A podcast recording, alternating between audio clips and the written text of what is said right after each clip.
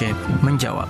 Assalamualaikum warahmatullahi wabarakatuh. Waalaikumsalam warahmatullahi wabarakatuh. Bagaimana caranya supaya kita ini istiqomah dalam kebaikan loh? Oh, Kadang males banget begitu. Betul, betul, betul. Bagaimana? Minta jawabannya. Baik, Masya Allah. Istiqomah dalam kebaikan itu tanda ciri dari para kekasih Allah.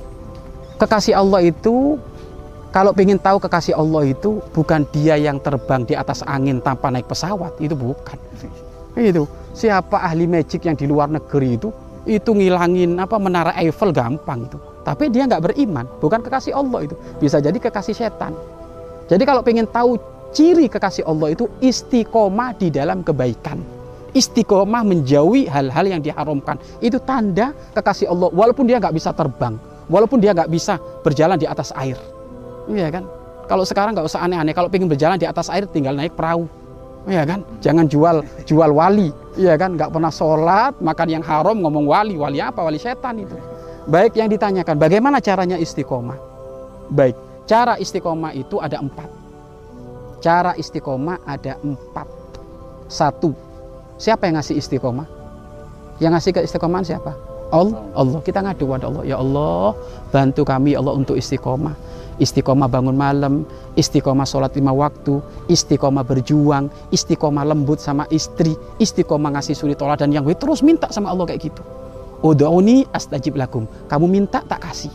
Ada efeknya nanti. Oh iya pasti, kamu minta tak kasih, kamu minta tak kasih. Allah itu paling nggak seneng kalau dicuekin.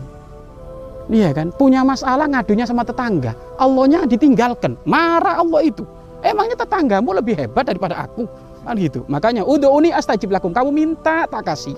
Bahkan disebutkan idza sa'alaka ibadi anni fa inni qarib. Katakan Muhammad jika dia bertanya kepada bertanya tentang aku Tuhannya Allah fa inni qarib, aku sangat dekat.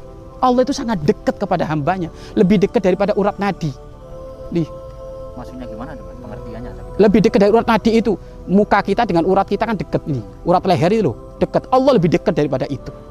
Tapi permasalahannya kita belum merasakan kedekatan itu karena memang kita jauh dari Allah. Iya kan gitu.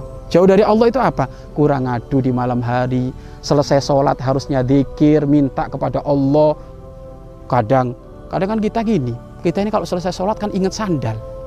Bukan ingat Allahnya. Sholat Jumat itu ingat sandal. Mana sandalnya? Kan gitu. Takut diambil oh orang. Nah itu, itu yang menjadi kerepot itu. Harusnya kan ingat Allah. Pada momen-momen sakral untuk kita minta kepada Allah. Jadi yang pertama, syarat yang pertama biar istiqomah itu adalah satu minta kepada Allah. Minta kepada Allah. Ya berdoa, minta kepada Allah untuk diberi istiqomah. Kemudian yang kedua, yang kedua adalah berkumpul dengan orang-orang yang baik. Ketemu dengan orang rajin puasa Senin Kemis, kebawa puasa Senin Kemis. Kumpul-kumpul dengan ustadz kayak gini ya kebawa jadi ustadz kan gitu kan. Kumpul-kumpul dengan tukang minyak wangi, bau minyak wangi. Kumpul-kumpul dengan tukang orang jualan ikan asin, ya bau ikan a- asin. Makanya kalau kita kumpul dengan orang soleh, kebawa soleh. Maka syarat yang kedua, biar istiqomah adalah kumpul dengan orang so soleh. Kemudian yang ketiga, yang ketiga, karena istiqomah itu letaknya di dalam hati. Istiqomah itu letaknya di dalam hati. Kenyamanan untuk melanjutkan ibadah itu kan ada dalam hati. Semangat orang pada hujan gede dia tetap ke masjid pengen istiqomah itu kan letaknya di dalam hati. Maka tolong jangan dikotori hati dengan dosa. Artinya apa? Kalau melakukan dosa segera tobat. Karena dosa itu akan menjadikan bercak hitam di dalam hati. Satu dosa nongol di dalam hati kita bercak hitam. Kalau seribu dosa berarti gelap gulita itu hati. Sedangkan hati itu tempat kenyamanan iba, ibadah. Kalau sudah gelap gulita nggak nyaman berarti.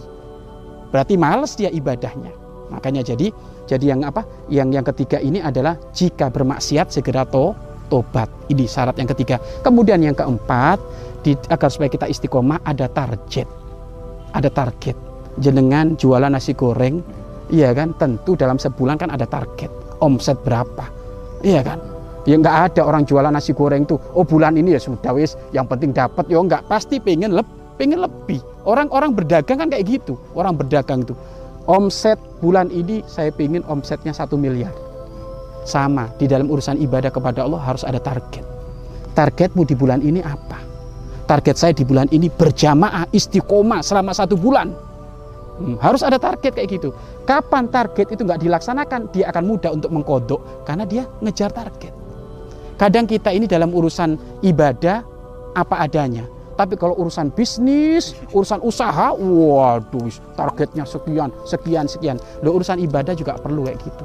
Jadi biar istiqomah, syaratnya satu, minta kepada Allah biar dibimbing. Kemudian yang kedua, kumpul dengan teman-teman yang semangat, orang-orang soleh. Kemudian yang ketiga, jika kita melakukan maksiat, segera kita tobat, biar nggak nggak kotor hati kita. Kemudian yang keempat adalah harus ada tar target. Bulan ini saya ingin menghatamkan Al-Quran sekali.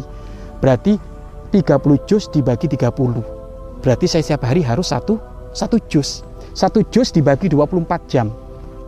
Berarti berapa itu? Lah terus kayak gitu. Itu akan akan menjadi istiqo, istiqomah. Al istiqomah khairun min alfi karomah. Istiqomah itu lebih bagus daripada seribu karomah. Lebih bagus daripada seribu orang yang apa berjalan di atas air ya kan? Itu istiqomah. Mudah-mudahan Allah membimbing kita semuanya. Bisa istiqomah di jalan Allah. Amin amin ya rabbal alamin